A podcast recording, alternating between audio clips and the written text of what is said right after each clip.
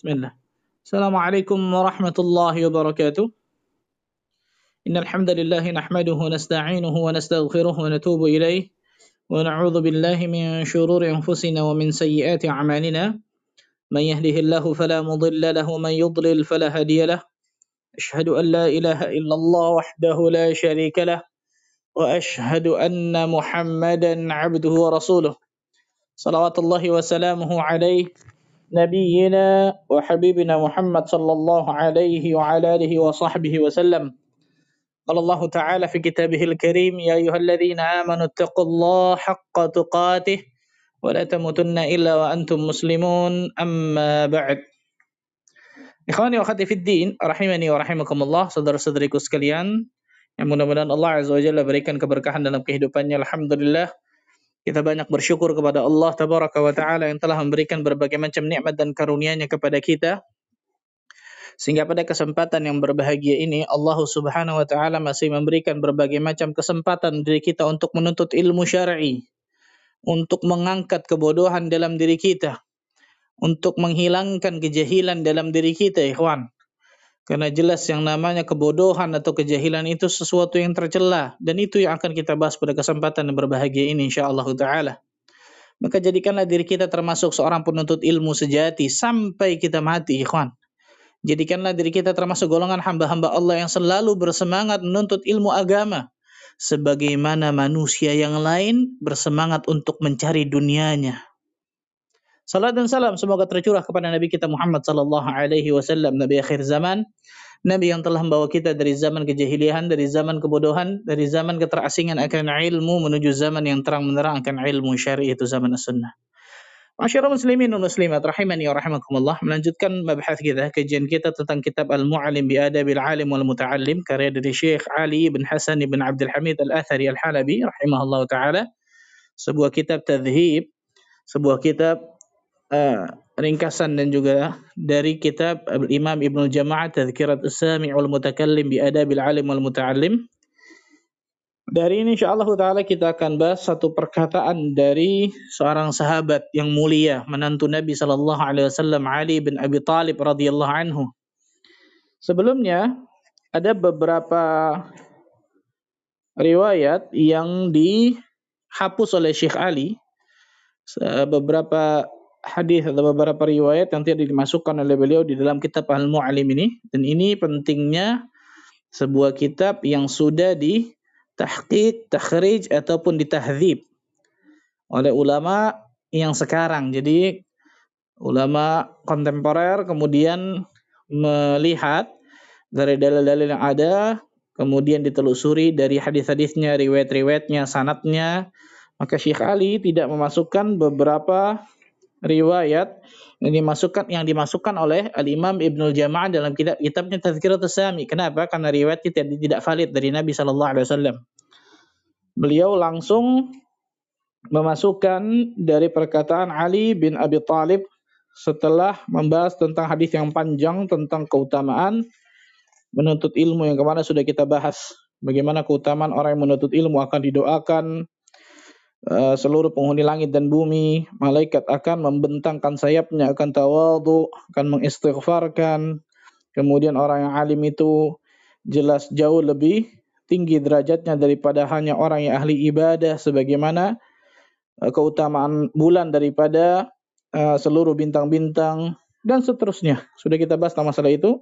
Nah, hari ini insyaallah taala kita akan lanjutkan perkataan athar, sebuah athar dari Ali bin Abi Thalib. Ketika disebut athar, biasanya itu terkenal perkataan atau perbuatan sahabat atau juga bisa selainnya, tabi'in, tabi'ut tabi'in.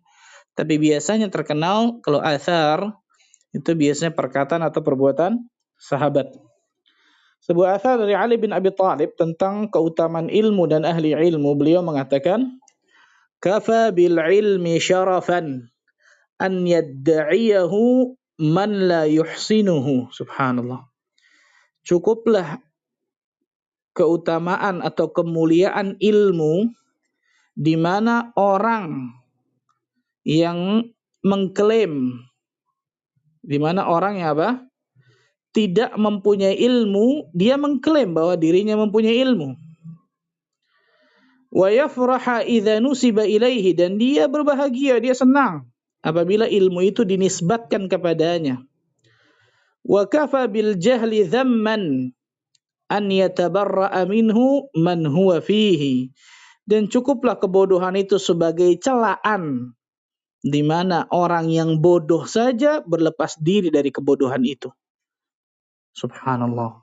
Jadi Ali bin Abi Thalib memberikan pelajaran bagi diri kita, ikhwan. Beliau mengatakan kafa bil ilmi syarafan. Cukuplah ilmu itu mulia. Apa contohnya? Beliau menyebutkan an yadda'iyahu man la yuhsinuh. Ketika orang yang tidak punya ilmu, orang yang tidak menguasai ilmu tapi mengklaim dirinya punya ilmu. Faham antum ikhwan? Perhatikan nih. Orang yang aslinya nggak punya ilmu agama. Subhanallah. Dia nggak punya ilmu agama. Dia tidak punya kapabilitas dalam ilmu agama. Tapi dia mengklaim bahwa dirinya kemudian punya ilmu. Itu sudah menunjukkan bagaimana kemuliaan ilmu. Wa yafraha idza nusiba ilaihi. Bahkan dia senang apabila ilmu itu dinisbatkan kepadanya. Contohnya apa? Ketika dia, dia dipanggil seorang ulama, dia dipanggil alim, dia dipanggil syekh, dia dipanggil ustadz, padahal ternyata tidak punya ilmu. Dia hanya mengklaim bahwa dirinya punya ilmu. Dia hanya mengklaim bahwa dirinya mempunyai sesuatu yang mulia yang namanya ilmu. Itu sudah cukup kata Ali bin Abi Thalib tentang kemuliaan ilmu orang yang nggak punya ilmu saja mau mengklaim bahwa dirinya punya ilmu dan dia suka ketika orang menisbatkan ilmu itu kepadanya. Ketika orang menisbatkan bahwa dia seorang yang alim, bahwa dia seorang yang berilmu, itu sudah cukup menunjukkan kemuliaan ilmu. Betul nggak ikhwan? Subhanallah. Benar banget perkataan beliau nih.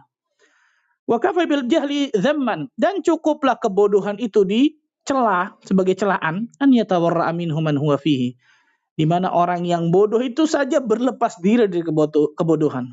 Orang yang benar-benar jahil, orang-orang bodoh, nggak mungkin mau dikatakan bodoh, betul ya? Eh bodoh, sini dong. Kan nggak mungkin ya. Eh, hati-hati jaga mulut ente, kan gitu ya. Padahal benar jahil, padahal benar bodoh. Tidak ada orang yang benar-benar bodoh mau mengklaim dirinya orang memang orang yang bodoh gitu subhanallah. Itu sudah menunjukkan bahwa kebodohan itu sebuah celaan. Kebodohan itu sebuah celaan an yatabarra minhum man huwa fihi. Ketika orang yang bodoh saja berlepas diri dari kebodohan itu. Allahu akbar. Ajib ikhwan. Maka dari perkataan Ali bin Abi Thalib ini ikhwan, menjadi motivasi bagi diri kita untuk menjadikan diri kita ini seorang yang alim, seorang yang berilmu tentang ilmu agama. Ini motivasi bagi diri kita semua jelas subhanallah.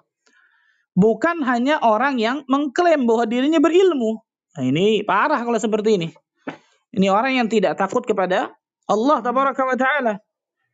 Dia nggak pernah memikirkan tuh apakah klaimnya ini ternyata memang benar atau salah padahal mungkin dia tahu di antara tanda-tanda orang munafik adalah apabila dia berbicara dia berdusta. Nah, orang-orang seperti ini nggak peduli tuh mengklaim dirinya berilmu, mengklaim dirinya punya ilmu, mengklaim dirinya alim akan ilmu agama Allah. Padahal ternyata jauh dari itu. Maka jelas itu sesuatu, sesuatu yang tidak boleh jelas apalagi di akhirat berat bagi bagi pertanggungjawabannya bagi orang-orang seperti ini. Tapi bagi orang yang berilmu dengan sesungguhnya, penuntut ilmu sejati, apalagi menjadi alim minal ulama, ini di antara syaraf, di antara kemuliaan yang Allah Azza wa Jalla berikan kepada kepada mereka subhanallah.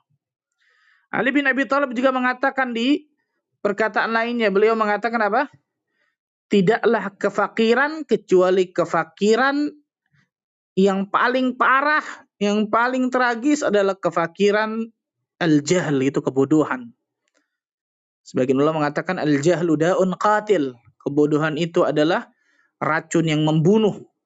Daun qatil. Racun yang benar-benar mematikan subhanallah.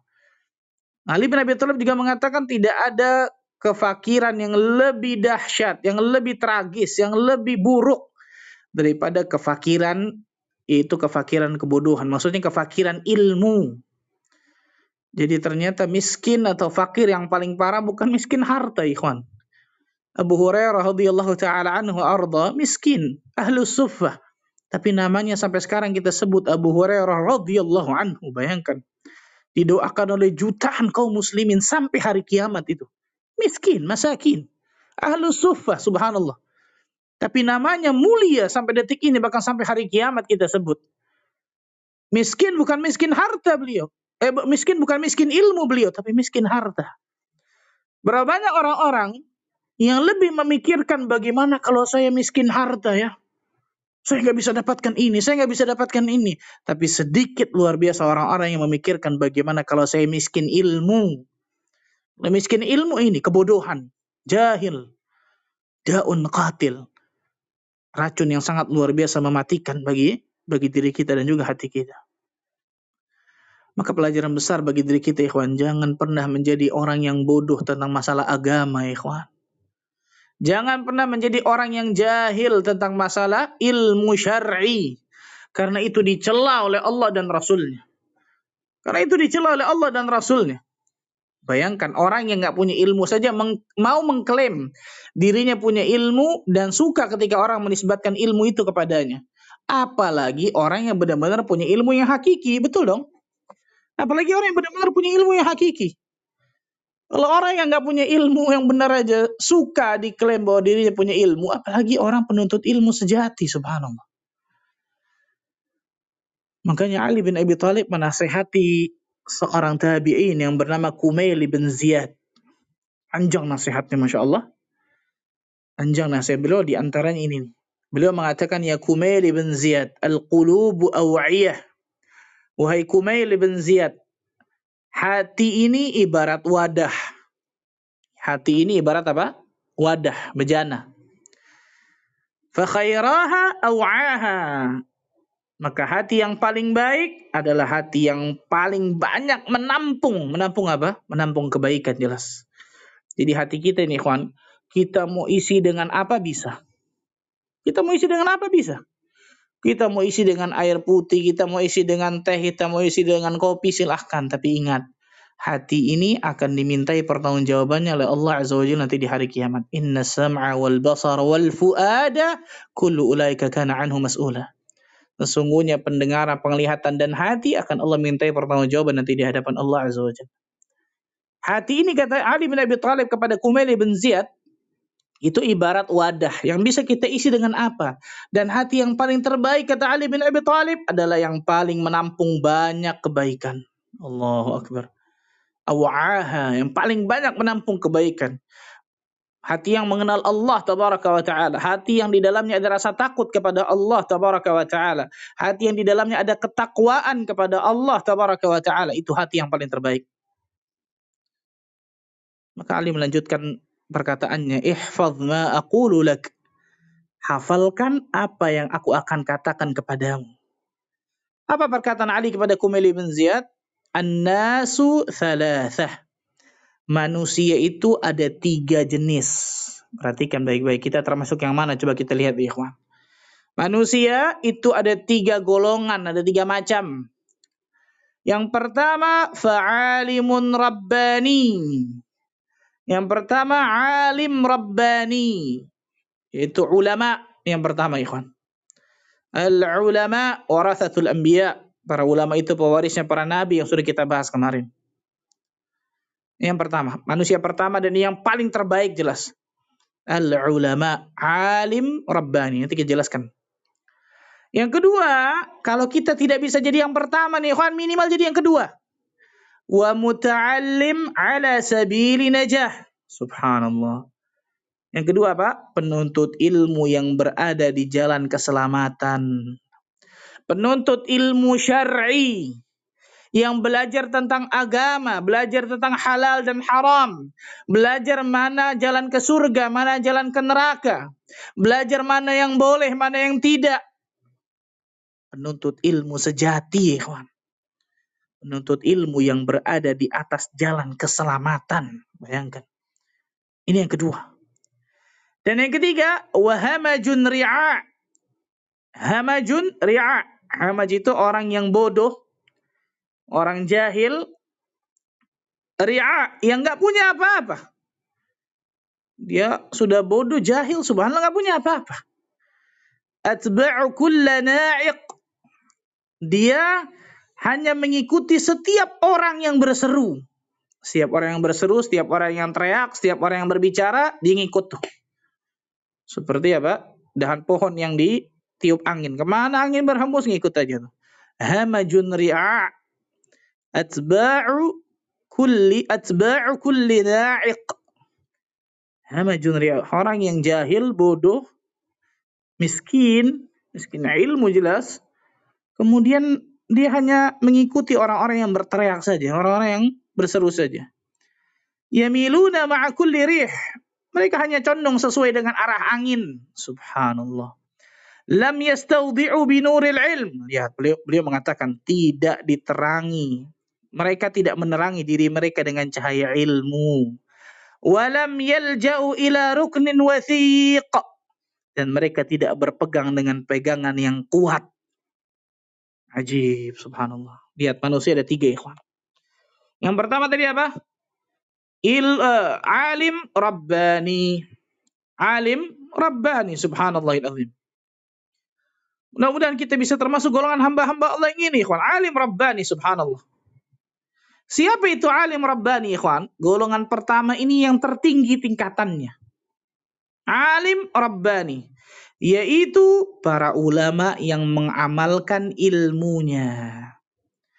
Tidaklah dia dikatakan alim kecuali ketika dia sudah mengamalkan ilmunya. Fudail bin Iyad rahimahullah taala mengatakan seperti itu. Dan para ulama lain juga mengatakan seperti itu. Tidaklah seseorang itu berilmu sampai dia mengamalkan ilmunya. Bayangkan subhanallah. Jadi alim rabbani adalah golongan orang-orang para ulama yang mengamalkan ilmunya dan mengajarkan kepada orang lain secara bertahap. Nah, ada sebagian ulama mengatakan mengajarkan orang lain secara bertahap. Ada orang ada ulama lain mengatakan mengajarkan orang lain dari hal-hal yang remeh sampai hal-hal yang tinggi. Ini alim rabbani, ikhwan. Jadi yang pertama, golongan yang tertinggi tingkatannya adalah alim rabbani. Siapa itu alim rabbani? Orang yaitu para ulama. Para ulama berarti punya ilmu agama, jelas. Para ulama yang mengamalkan ilmunya, mengajarkan ilmunya kepada orang lain secara bertahap. Mengajarkan ilmunya kepada orang lain dari hal-hal yang remeh sampai hal-hal yang tinggi. Dari hal-hal yang kecil, yang dianggap kecil oleh manusia maksudnya, sampai hal-hal yang tinggi. Nah, ini yang pertama. Dan saya katakan tadi itu seorang alim tidak tidak dikatakan alim ketika dia sudah mengamalkannya. Tidak dinamakan rabbani walaupun dia Pak, walaupun dia punya ilmu tapi tidak mengajarkannya kepada orang lain. Makanya rabbani dari kata-kata rabba rabbi yang artinya mendidik, mengasuh kan gitu. Alim rabbani subhanallah. Seorang alim berilmu agama, mengamalkannya, mengajarkan ilmunya kepada orang lain. Baik secara bertahap atau dari hal-hal yang kecil sampai hal-hal yang besar. Hal-hal kecil contohnya apa? Bukan hal-hal yang remeh.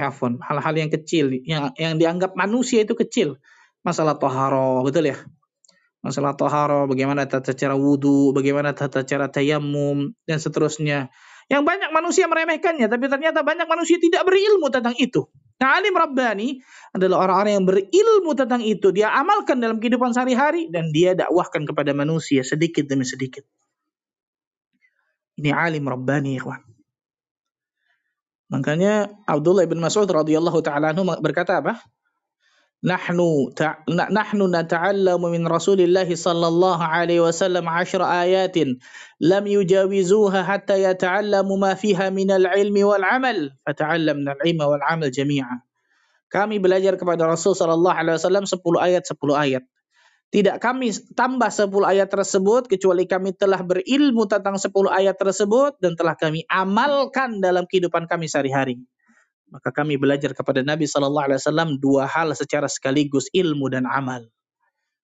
Ini alim rabbani. Orang yang berilmu, diamalkan ilmunya, diajarkan manusia dengan ilmunya tersebut. Benar-benar bermanfaat bagi orang lain. Khairun nas anfa'uhum linnas. Masya Allah.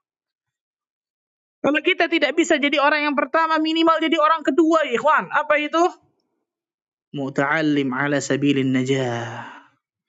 Orang yang penuntut ilmu yang berada di atas jalan keselamatan. Subhanallah.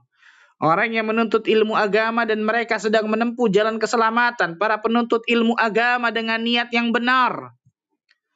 Penuntut ilmu agama dengan niat yang apa? Dengan niat yang benar dan dia amalkan ilmunya tersebut juga sama. Dan dia amalkan ilmunya tersebut subhanallah. Nah, ini yang kedua nih. Ini yang kedua, penuntut ilmu syar'i. Penuntut ilmu agama dengan niat yang benar. Ustaz, menuntut ilmu dengan niat yang benar itu bagaimana niat yang benar ketika menuntut ilmu kan gitu ya? Disebutkan oleh para ulama tentang masalah ini. Paling tidak Syekh Salih Al-Usaimi menyebutkan paling tidak ada empat niat ketika dia menuntut ilmu baru dikatakan itu yang ikhlas, itu yang benar niatnya. Yang pertama, mengangkat kebodohan dalam dirinya. Niat yang pertama ketika dia nuntut ilmu agama, dia mengangkat, dia ingin mengangkat kebodohan dalam dirinya. Yang dikatakan Ali bin, Ali bin Abi Thalib tadi, bahayanya kebodohan itu luar biasa. Daun qatil. Niat yang pertama itu mengangkat kebodohan pada dirinya. Raf'ul jahli an nafsihi. Yang kedua, raf'ul jahli an ghairihi. Mengangkat kebodohan pada orang lain. Minimal kepada siapa? Kepada keluarga kita. Karena Allah Azza wa Jalla berfirman, Ya ayuhalladzina amanu qu anfusakum wa ahlikum nara. Wahai orang-orang yang beriman, jagalah diri kalian dan keluarga kalian dari api, api neraka. Maka setelah kita niatkan kita agar kita mengangkat diri kita kebodohan dalam diri kita, yang kedua mengangkat kebodohan pada diri orang lain. Yang ketiga ihya'uddin, menghidupkan agama. Niat yang ketiga apa? Menghidupkan agama Allah tabaraka wa taala ini. Membela agama Allah tabaraka wa taala ini ketika dinuntut ilmu, dia niatkan itu. Dan yang keempat, mengamalkan ilmu agama tersebut. Orang yang menuntut ilmu tapi dia tidak ada niat untuk mengamalkannya, hati-hati, bahaya luar biasa. Ini empat niat yang disebutkan oleh Syekh Salih Al-Usaimi ketika dia ingin dikatakan menuntut ilmu dan dia ikhlas dengan niat yang benar ketika menuntut ilmu. Mengangkat kebodohan pada dirinya, mengangkat kebodohan pada diri orang lain, menghidupkan agama, membela agama, dan juga ingin mengamalkan ilmu agama yang telah diketahui. Ini minimal empat hal, subhanallah. Maka jadikan diri kita termasuk golongan hamba-hamba Allah yang ini, ikhwan minimal nih. Jangan jadi yang ketiga. Siapa itu? Hamajun ri'a.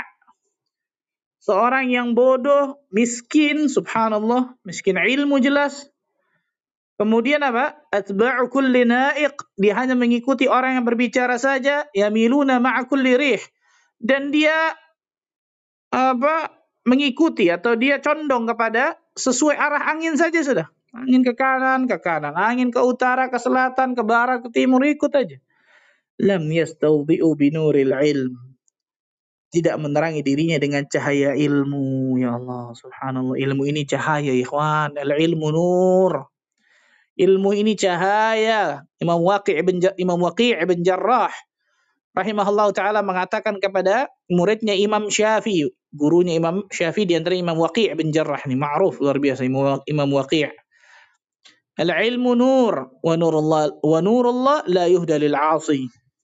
Ilmu itu cahaya dan cahaya agama Allah ini tidak diberikan kepada orang-orang yang durhaka kepada Allah. Subhanallah. Maka jangan pernah menjadi orang yang bodoh dan jangan, jangan pernah menjadi orang durhaka kepada Allah kalau kita ingin mendapatkan ilmu yang benar. Wala yalji wala yalji'u ila ruknin wathiq. Dan dia tidak berpegang kepada pegangan yang kuat ini yang ketiga. Jadi orang yang jahil. Jadi orang yang bodoh yang hanya mengikuti mata arah angin saja tuh subhanallah. Allah tabaraka wa taala berfirman di dalam surah Al-An'am ayat ke-122. أَوَمَنْ كَانَ مَيْتًا فَأَحْيَيْنَاهُ وَجَعَلْنَا لَهُ نُورًا يَمْشِي بِهِ فِي النَّاسِ كَمَنْ مَثَلُهُ فِي الظُّلُمَاتِ لَيْسَ بِخَارِجٍ مِنْهَا Apakah orang yang dulunya mati hatinya, kemudian kami hidupkan dan kami berikan kepadanya cahaya. Cahaya di sini apa? Ilmu dan hidayah. Kami berikan cahaya kepadanya. Tadinya mati hatinya, kami hidupkan, kami kasih ilmu, kami kasih hidayah. hatinya tersebut. Yang dia berjalan dengan cahaya tersebut di tengah-tengah manusia. Apakah sama dia dengan orang yang berada di dalam kegelapan, kesesatan yang tidak bisa keluar darinya? Allahu Akbar. Maka jelas jawabannya berbeda, ikhwan. Jelas jawabannya berbeda orang-orang yang memiliki ilmu dengan orang-orang yang tidak memiliki ilmu agama. Orang-orang yang memiliki ilmu agama, dia berusaha menyinari hatinya dengan cahaya ilmu. Dia tidak ridho dengan kejahilan, dia nggak ridho dengan kebodohan. Dia punya pendirian kuat masalah ini. Bukan tadi apa? Orang yang bodoh hanya bersandar kepada sesuatu yang lemah. Subhanallah. Perhatikan baik-baik ini. Subhanallah. Maka jangan pernah menjadi orang-orang yang seperti seperti tersebut. Maka Ali bin Abi Thalib sekali lagi saya katakan ikhwan, dengan perkataannya seperti ini bahwa cukuplah ilmu itu mulia atau cukuplah kemuliaan itu kemuliaan ilmu itu dilihat dari orang yang apa?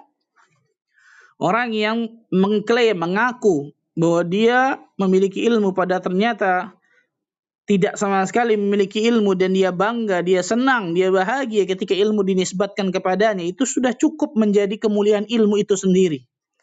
Dan cukuplah kebodohan itu celaan di mana orang yang bodoh itu sendiri berlepas diri dari kebodohan itu. Maka saya nasihatkan bagi diri saya dan antum sekali ini, Juan, jangan pernah menjadi orang-orang yang jahil tentang ilmu agama Allah. Jangan pernah menjadi orang yang jahil tentang ilmu agama Allah tabaraka wa taala. Wallahi, ikhwan, kalau kita nggak bisa baca tulis, nggak dosa bagi diri kita. Nggak bisa baca tulis nih, A, B, C, D, E, F, G. Kita nggak bisa baca, nggak bisa tulis. Bahkan nggak bisa ngitung satu tambah satu. Tidak dosa. Bukan berarti kemudian saya anjurkan untuk nggak bisa baca tulis. Ya. Bukan itu maksudnya. Saya ingin jelaskan nih. Kalau kita nggak bisa baca, nggak bisa tulis, nggak bisa hitung, tidak dosa diri kita. Tapi kalau kita tidak berilmu siapa itu Allah, siapa itu Rasulullah, apa agama Allah ini, pasti dosa kalau ini. Pasti dosa jelas. Kenapa? Karena berarti kita melalaikan tugas yang Allah Azza wa Jalla berikan kepada kita. Kita nggak tahu siapa itu Allah. Kita nggak kenal siapa yang ciptakan kita.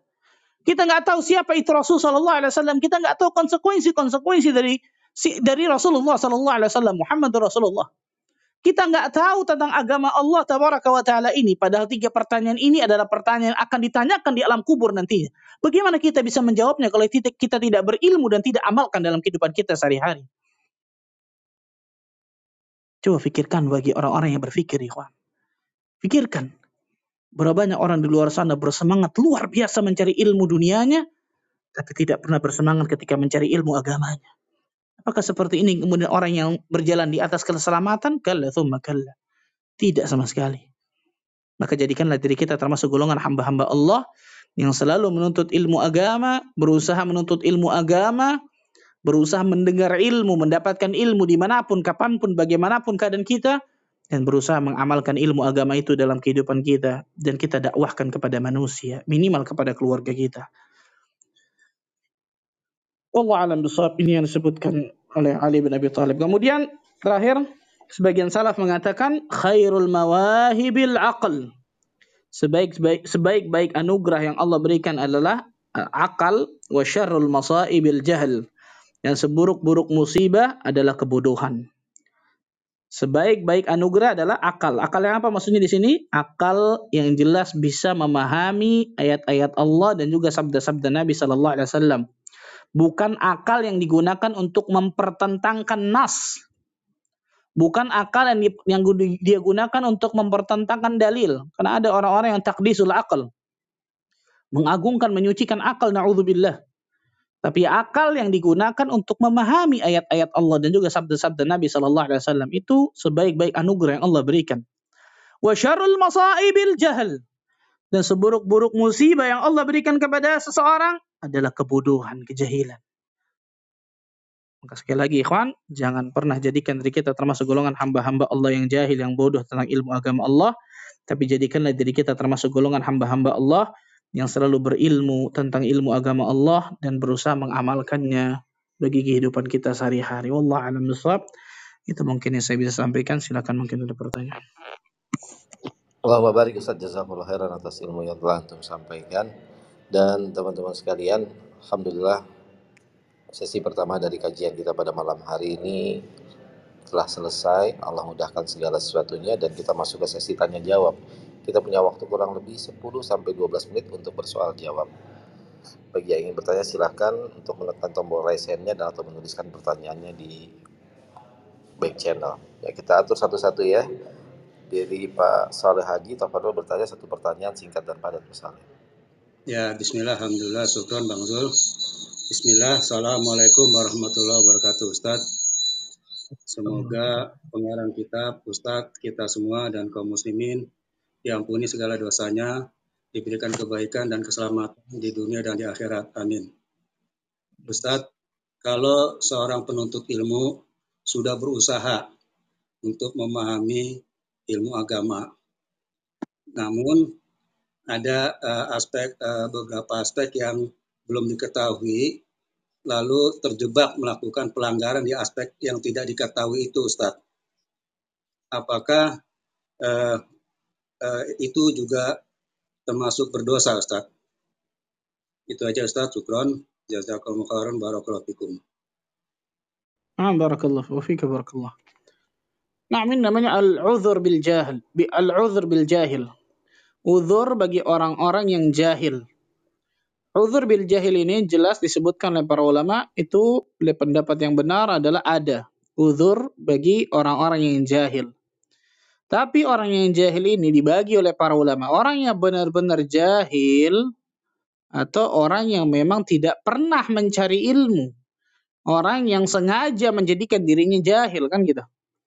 Uzur Allah berikan namanya jahil itu jelas sebuah suatu uzur kan gitu. Tapi sebalik lagi tadi, Contoh, ketika seseorang misal ada di pedalaman, nggak ada kemudian orang ke situ untuk menyampaikan dakwah dan seterusnya, maka ini yang seperti ini jelas jahil bagi dirinya, kan gitu. Uzur. Kembalikan kepada Allah tabaraka wa taala. Tapi kalau kemudian dia di kota, hidupnya gampang kemudian untuk mencari eh, ilmu dan seterusnya, maka bagaimana bisa dikatakan uzur jahil bagi dirinya? Memang dirinya saja nggak mau cari ilmu agama kan gitu, malas. Adapun bagi orang-orang yang sudah mencari, berusaha mencari ilmu, mencari ilmu, yakinlah. Allah Azza wa Jalla mengatakan apa? Allah Tabaraka wa Ta'ala berfirman dalam surah Al-Ankabut. Surah Al-Ankabut, surah 29, ayat ke terakhir. 6 ayat 69. Ayat terakhir walladzina jahadu fina lanahdiyannahum subulana. Orang-orang yang berjihad, bersungguh-sungguh mencari jalan-jalan kami, maka kami akan berikan jalan-jalan kami kepada kepada mereka. Ini janji Allah tabaraka wa taala. Bagi orang yang niatnya jujur, Allah azza wa jalla akan berikan jalan-jalan Allah kepada mereka. Lihat Salman Al-Farisi.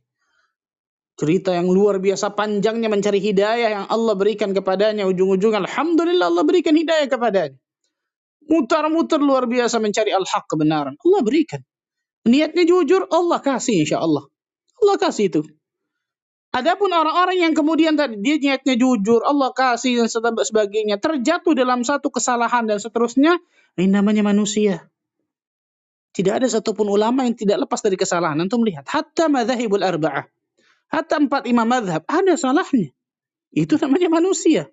Kalau bukan manusia itu nabi dan rasul kan gitu. Nabi dan hanya nabi dan rasul yang maksum yang Allah Azza wa Jalla jaga ketika menyampaikan syariat Allah ini. Maksudnya apa? Ketika mereka salah, Allah langsung menegurnya dari atas langit. Selain nabi dan rasul nggak ada yang maksum. Dan ini menunjukkan tidak ada yang boleh dikultuskan, diikuti dari A sampai Z, dari alif sampai ya kecuali Rasul Sallallahu Alaihi Wasallam.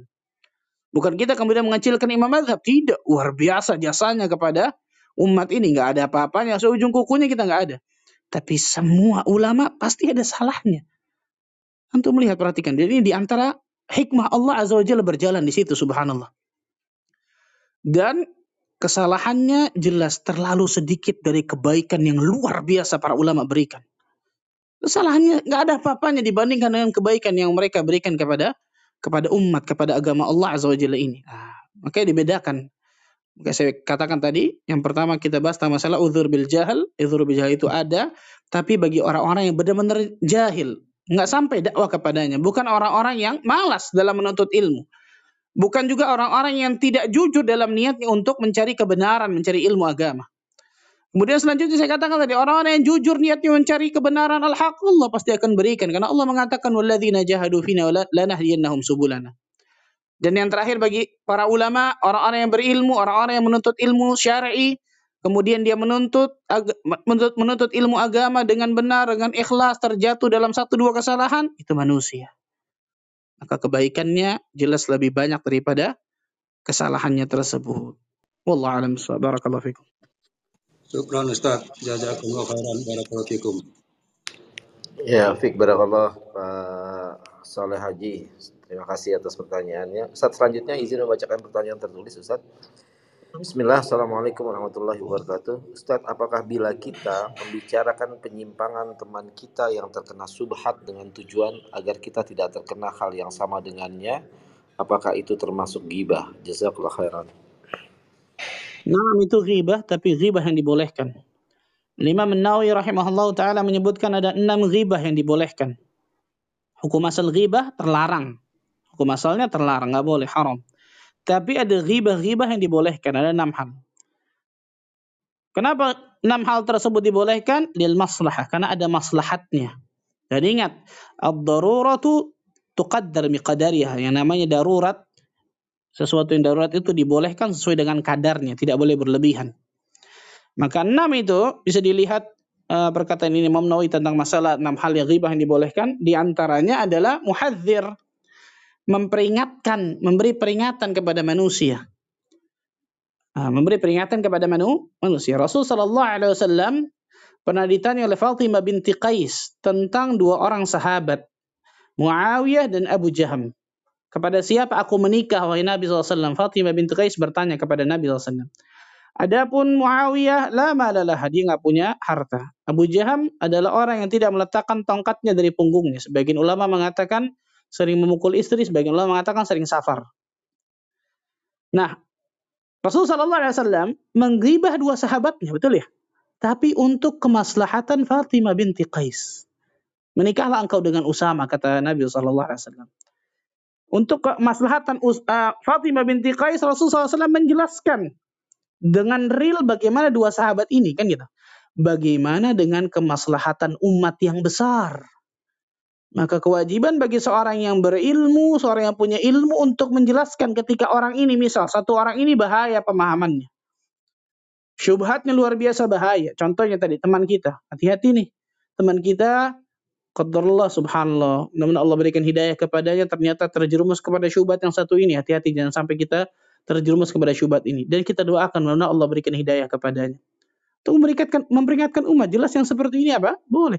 Kalau kalaulah Nabi Shallallahu Alaihi Wasallam mengribah dua sahabatnya untuk kemaslahatan Fatimah bin Qais dan itu dibolehkan, bagaimana seorang yang alim, seorang yang berilmu, seorang yang punya punya sedikit ilmu mungkin menjelaskan kepada umat tentang penyimpangan seseorang dan itu untuk umat.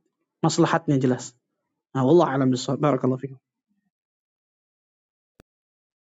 Fik barakallahu Ustaz. Uh, Jazakumullah atas jawabannya. Teman-teman, satu pertanyaan lagi. Yang bertanya, tafadhol. Raise hand. Baik, ada satu lagi nih dari Emi. Cuman dari tadi Ana coba untuk naikin nggak bisa nih Bu Emi, mohon maaf nih. Sebentar ya. Umu siapa nih? Ya Emi, tafadhol Emi. Ya. Satu pertanyaan tentang belum suara ya. Assalamualaikum warahmatullahi wabarakatuh, Ustaz. Jazakumullah khair atas waktunya juga kepada panitia. Uh, Ustadz, uh, saya pernah dengar mengenai uh, keutamaan atau urutan dalam menuntut ilmu, Ustadz. Uh, saya pernah dengar bahwa bahasa Arab itu termasuk fardu kifayah, Ustadz uh, karena terlambatnya saya men anak menuntut ilmu, jadi urutan untuk mengejar ilmu itu, uh, untuk bahasa Arab ana belakangkan Ustadz. Uh, apakah benar yang saya dengar tersebut Ustadz? Mohon penjelasan, jazakumullah khairan kasiron. Nah, barakallahu fikir. Nah, ulama khilaf tentang hukum mempelajari bahasa Arab itu sendiri. Sebagian ulama mengatakan fardu ain, wajib bagi setiap muslim likulli fardin sebagian ulama mengatakan fardu kifayah. Uh, apa kewajiban bagi sebagian orang dan gugur kewajiban bagi yang bagi yang lain. Wallah alam bisawab ana pribadi lebih merajikan pendapat fardu kifayah memang untuk masalah ini, tapi bukan menjadi kemudian kita memudahkan atau menyepelekan tentang masalah bahasa Arab ini. Karena kita akan dapatkan, kita akan temukan ketika kita mempelajari bahasa Arab ini, bahasa Al-Quran, kita akan dapatkan zauk, kita akan dapatkan bagaimana rasanya nikmatnya membaca Al-Quran, rasanya nikmatnya ketika baca Al-Hadis. Kemudian kita bisa memahaminya. Atau ketika imam membaca Al-Quran Al-Karim, kita bisa memahami dari maknanya, artinya. Dan nggak akan pernah sama, ikhwan. Subhanallah. Nggak akan pernah sama. Dulu ketika anak awal-awal bahasa, bahasa Arab, guru anak mengatakan seperti ini. Nggak akan pernah sama. Bahasa Arab diartikan dengan bahasa yang lain, nggak akan pernah sama. Nah katakan dalam hatinya, sama aja, apa bedanya? bahasa Arab diartiin bahasa Indonesia, diartiin bahasa Inggris sama aja. Subhanallah. Ketika belajar, belajar, belajar bahasa Arab, baru kita mengetahui, oh subhanallah benar ya. Ada perkataan-perkataan dalam bahasa Arab tersebut ketika diartikan, diterjemahkan dengan bahasa yang lain, hilang itu. Nggak, jadi nggak nikmat gitu. Rasanya jadi subhanallah. Bahkan jadi terkadang lebay, terkadang cemplang subhanallah. Maka yang seperti ini bukan berarti kemudian Uh, ada sebagian ulama mengatakan fardu kifayah, bahkan ada yang mengatakan sunnah muakkad dan sebagainya, kemudian menjadikan diri kita sama sekali tidak mempelajari bahasa Arab. Itu pasti bisa menunjang diri kita untuk selalu apa? memahami Al-Qur'an dan juga As-Sunnah. Dan bagi orang-orang yang perhatikan, bagi orang-orang yang menyampaikan ilmu agama, ini fardu ain jelas bagi seorang dai, bagi seorang yang berilmu tentang ilmu agama, ini fardu ain jelas subhanallah. Dia harus belajar tentang bagaimana dia bisa menyampaikan ilmu agama yang benar kalau dia nggak tahu bahasa Arab. Belajar dan itu tidak ada, tidak ada kata telat. Belajar bahasa Arab subhanallah.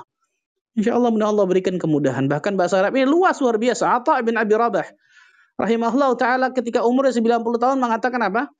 Aku berharap aku masih terus mempelajari bahasa Arab karena aku masih belum banyak mengetahui bahasa Arab. 90 tahun hidupnya di kota Mekah. Puluhan tahun jadi uh, di kota Mekah, bayangkan. Saking luasnya bahasa Arab beliau mengatakan itu.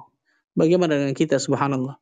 Baru belajar bahasa Arab 1 2 tahun yang biasanya kelas rame jadi sepi, betul ya? Hilang satu-satu, seleksi alam. Maka Insya Allah Ta'ala ketika kita sedikit demi sedikit, namun Allah berikan kemudahan bagi diri kita. Yang Allah lihat adalah usaha dari kita, bukan hasil. Hasil Allah Azza wa Jalla yang berikan. Barakallahu fikum. Wallah alam Ya, Insya Allah Ustaz. Jazakallah khairan jawabannya. Bu Emi sudah terjawab ya? Alhamdulillah. Alhamdulillah. Terima kasih atas pertanyaan. Semoga Allah memberikan taufik buat kita semua. Selanjutnya kepada Ummu Zariyah. Satu pertanyaan tanpa menyebutkan suara ya, Bu. Bismillah, Assalamualaikum warahmatullahi wabarakatuh. Afwan Ustaz, Ana izin bertanya, apakah ada ancaman untuk seseorang yang tidak mengamalkan ilmu? Syukran, jazakumullah khairan wa barakallahu fikum. Wafiki barakallah, na'am. Maka jelas jawabannya ada. Maka jelas jawabannya apa? Ada. Di antaranya Allah tabaraka wa ta'ala berfirman di dalam surat sebentar As-Saff kalau anda nggak salah ingat. Naam, surat As-Saff ayat kedua dan ketiga. Surat As-Saff ayat kedua dan ketiga. Allah Azza wa Jalla berfirman, "Ya ayyuhalladzina amanu, lima taquluna ma la taf'alun?" Kabura maqtan 'inda Allah 'inda Allah an taqulu ma la taf'alun. Wahai orang yang beriman, mengapa kalian mengatakan sesuatu yang tidak kalian kerjakan? Di antara tafsirannya apa? Mengapa kalian berilmu tentang sesuatu tetapi kalian tidak berusaha mengamalkannya? Kabura maqtan. Maqtun itu dalam bahasa Arab al-ghadabus syadid, marah yang memuncak. Di depannya ada tambahan kata-kata kabura, kabir, besar. Kemurkaan Allah yang besar dan memuncak bagi orang-orang yang berilmu akan sesuatu tapi dia tidak mengamalkannya. Ini ini antara tafsirannya maka sangat besar kemurkaan seseorang, eh, kemurkaan Allah Azza wa Jalla pada seseorang yang dia tahu satu ilmu tapi tidak ada usaha. Perhatikan garis bawah kata-kata sini. Tidak ada usaha yang maksimal untuk bisa mengamalkan ilmu itu. Mengamalkan bagi siapa berarti? Bagi diri sendiri. Saya sering ulang-ulang nih karena banyak orang bertukur-tukur nih. Mengamalkan bagi diri sendiri. Kalau bagi orang lain mendakwahkan, Mengamalkan itu mempraktekkan bagi diri kita sendiri. Kita tahu akan satu ilmu, maka kita amalkan. Kita tahu ini haram nih, maka kita jauhi sejauh-jauhnya. Kita tahu ini sunnah Rasul Sallallahu Alaihi Wasallam. Kita berusaha untuk bisa mengamalkan sunnah Rasul Sallallahu Alaihi Wasallam itu tersebut. Ini namanya mengamalkan ilmu, mempraktikkan ilmu. Kalau mendakwahkan baru bagi orang lain. Ayat ini di antara ayat yang paling ditakutkan oleh para ulama. Karena mereka banyak ilmunya tapi mereka tidak tahu apakah mereka sudah berusaha maksimal untuk dapat mengamalkan ilmunya tersebut atau tidak. Karena ilmu agama Allah ini nggak bisa dikoleksi, kawan. Nggak boleh dikoleksi saja. Lalu untuk mengoleksi sesuatu kan dikoleksi di pajangan gitu ya. Nggak boleh ilmu agama Allah ini harus dipakai, harus diamalkan, harus dipraktekkan dalam kehidupan kita sehari-hari. Di antaranya pula adalah dalam sebuah hadis. Fi ma'na al-hadis ada seseorang di neraka Allah Azza wa Jalla yang ususnya terburai kemudian dia mengelilingi ususnya tersebut. Orang-orang berkumpul bertanya kepada diri, kenapa engkau? Bukankah engkau di dunia dulu orang-orang yang menyuruh kami berbuat yang ma'ruf dan mencegah kami berbuat yang mungkar? Dia mengatakan betul. Dia mengatakan apa? Betul tentang masalah hal tersebut. Tetapi dia mengatakan kemudiannya apa? Tetapi ketika aku menyuruh kalian untuk perbuatan yang ma'ruf, aku tidak melaksanakannya, aku tidak mengamalkannya. Dan ketika aku mencegah diri kalian dari perbuatan yang mungkar, malah aku melakukan yang mungkar tersebut. Nauzubillah min dzalik. Maka ini di antara azab yang luar biasa, ususnya terburai di neraka dan dia ber, berapa berkeliling sebagai seperti berkelilingnya apa keledai ketika dalam apa, apa dalam adonan roti subhanallah. Nauzubillah min dzalik. Maka Allah Azza wa Jalla akan bertanya tentang ilmu agama yang telah kita ketahui nanti di hari akhirat. Rasul sallallahu alaihi wasallam bersabda, "La tazulu qadama 'abdin yaumil qiyamati hatta yus'al." Tidak akan bergeser kaki seorang hamba nanti di hari kiamat sampai ditanya beberapa pertanyaan di antaranya, "An ilmihi madza fa'al?" Fi riwayah, "An ilmihi madza 'amila bihi?" Tentang ilmu agamanya, apakah dia amalkan ilmu agamanya tersebut atau tidak. Banyak orang tahu ini haram nih, tetap aja dia lakuin yang haram itu. Habis gimana puasa tanggung? La haula wa la quwata illa billah. Haram tanggung ini gimana? Banyak orang tahu ini haram, ini nggak boleh. Tetap dia dia dia, dia, dia terobos haraman tersebut. Berarti tidak mengamalkan ilmu. Dia tahu ini sunnah Rasul Sallallahu Alaihi Wasallam, tapi dia tidak mengamalkannya. Dia nggak berusaha untuk bisa mempraktikkan dalam kehidupannya. Di hati Subhanallah. Allah akan tanya satu pertanyaan ini di hari kiamat tentang ilmu agamanya. Apakah dia berusaha dengan sekuat tenaganya mengamalkan ilmu agama tersebut atau tidak? Wallah a'lam Jazakallah khairan Ustaz atas jawabannya. Umu sudah terjawab ya? Wow. Naam, alhamdulillah. Syukran jazakumullah khair wa barakallahu fikum. Oh jazakallah. Dan tadi adalah pertanyaan terakhir Ustadz dan teman-teman sekalian waktu kita sudah habis kita sudah masuk ke sesi kedua dan insya Allah kita akan segera mengakhiri kajian kita pada malam hari ini namun sebelum ditutup Ustadz mohon untuk diberikan intisari dari apa yang telah Antum sampaikan sebagai penekanan bagi kami Ustadz Barakallahu fikum Nah, fika barakallah. Ikhwani wa khatibuddin, rahimani wa rahimakumullah. Ali bin Abi Thalib memberikan motivasi kepada diri kita untuk menuntut ilmu agama, ikhwan. Untuk terus menuntut ilmu agama dan jangan pernah bosan menuntut ilmu agama. Karena ternyata ada orang-orang yang mengklaim bahwa dirinya mempunyai ilmu agama, bahkan senang ketika orang-orang lain menisbatkan ilmu itu kepada dirinya, memanggil dirinya seorang syekh, seorang alim. Dia senang, padahal dia nggak punya ilmu agama sama sekali. Dan ini menunjukkan suatu kemuliaan besar bagi ilmu itu sendiri. Ketika orang itu senang, orang lain menganggapnya dia mempunyai ilmu. Kan itu luar biasa. Dan suatu kebodohan yang luar biasa atau suatu cukuplah kebodohan itu dicela ketika orang yang bodoh saja tidak mau dikatakan dia orang yang bodoh. Bayangkan. Kalau seseorang tentang masalah ilmu dunia, dia berusaha dengan luar biasa agar dia tidak bodoh tentang ilmu dunia, tentang berita-berita mungkin. Bagaimana dengan ilmu agama yang akan mengantarkan diri kita kepada kebahagiaan yang hakiki dunia akhirat, ikhwan. Maka jangan pernah malas untuk belajar ilmu agama. Jadikan ilmu agama ini benar-benar ilmu yang primer dalam kehidupan kita. Bukan hanya sekunder atau bahkan tersier, na'udzubillah. Tapi ilmu yang primer dalam kehidupan kita. Karena dengan ilmu agama inilah Allah Azza wa Jalla akan berikan keberkahan, kebahagiaan dunia akhirat bagi diri kita semua. Allah alam bisawab. Itu mungkin yang saya bisa sampaikan. Mudah-mudahan Allah Azza wa Jalla berkahi pertemuan kita. Mudah-mudahan Allah Azza wa Jalla jadikan diri kita termasuk golongan hamba-hamba Allah yang Allah terus berikan hidayah taufik untuk meniti syaratul mustaqim sampai nantinya Allah wafatkan kita dalam keadaan husnul khatimah dan Allah azza wajalla kumpulkan kita di surga firdaus tanpa hisab dan tanpa azab Allahumma amin rabbal alamin subhanakallah bihamdika asyhadu an la ilaha illa anta astaghfiruka wa atubu ilaik wassalamu alaikum warahmatullahi wabarakatuh